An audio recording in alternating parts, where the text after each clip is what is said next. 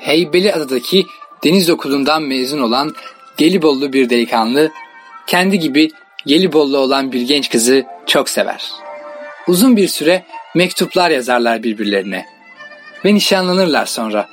Ne var ki günlerden bir gün her zaman buluştukları yere geldiklerinde delikanlının suratı asıktır. Kız neden üzgün olduğunu merak eder. Delikanlı yeni görevinin denizaltıda olacağını ve bu yüzden artık birbirlerini çok seyrek göreceklerini söyler kıza. Ardından bir paket uzatır.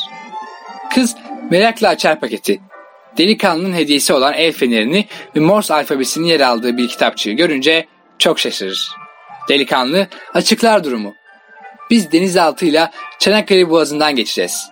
Bizim oradan geçeceğimiz zamanı sana söylerim. Sen de o zaman bana el feneriyle gönderirsin mesajını.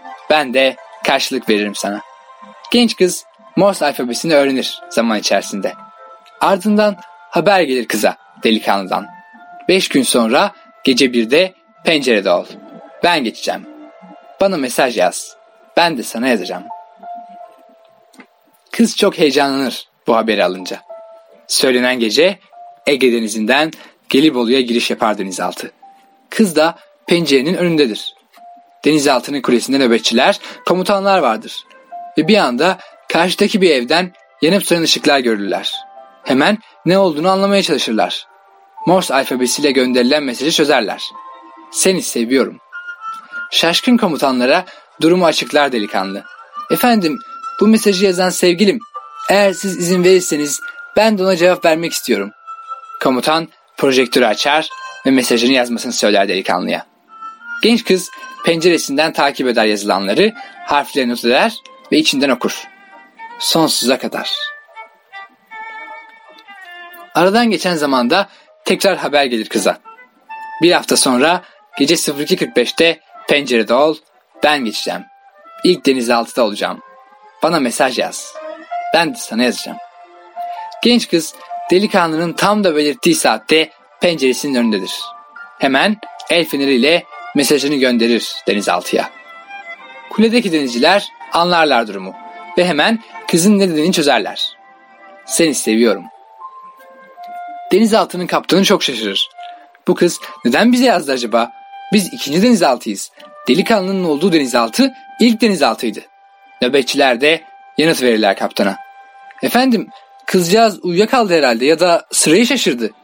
Kaptan karşılık verir. Kıza cevap verelim o halde. Yoksa sevdiğinden cevap gelmediğini anlarsa uyuyamaz, çok üzülür.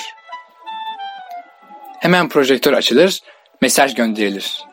Sonsuza kadar. Kız çok mutlu olur. İçi rahatlar.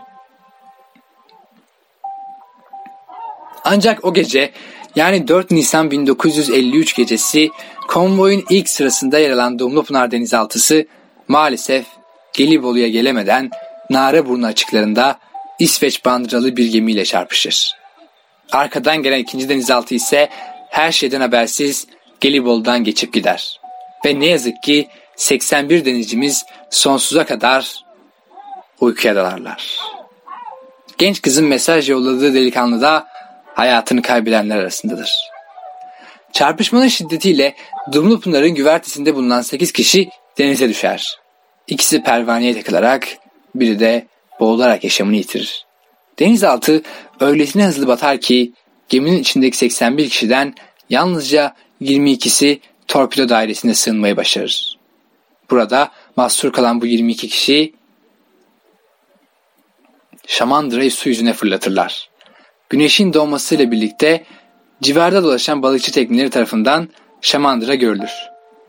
Gümrük motoru derhal şamandıranın yanına gelir. Gümrük motorunun ikinci çarkçısı şamandırdaki ahizeyi kaldırarak alo diyerek cevap bekler. Denizaltıdan cevap veren asubay elektriğin kesik olduğunu, geminin sancak tarafına 15 derece yatık olduğunu, torpido dairesinde 22 kişi olduklarını bildirir. Yardımın geleceğini söyler ikinci şarkçı. Denizaltıdakilere ve ekler. Gerekmedikçe konuşmayın, sigara içmeyin ve türkü söylemeyin. Saat 11 sularında kurtarma gemisi olay yerine gelir. 72 saat boyunca çalışmalar durmaksızın sürer. Fakat boğazdaki şiddetli akıntı nedeniyle aramalar sonuçsuz kalır. Artık denizaltıdakiler için umutlar kesilir maalesef. Denizaltıdaki subay, az subay ve erlerin tümüne korkunç gerçek söylenir. Kendilerini su yüzüne çıkaramayacaklarını, buna imkan olmadığını bildirirler. Artık şöyle denilir son olarak. Konuşabilirsiniz, türkü söyleyebilirsiniz ve isterseniz sigara da içebilirsiniz. Bunu duyan kahraman denizciler de şöyle karşılık verirler.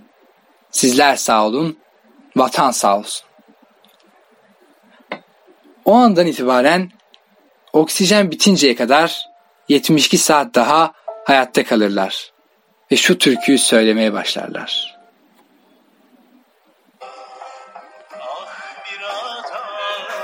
çeşmeler cigara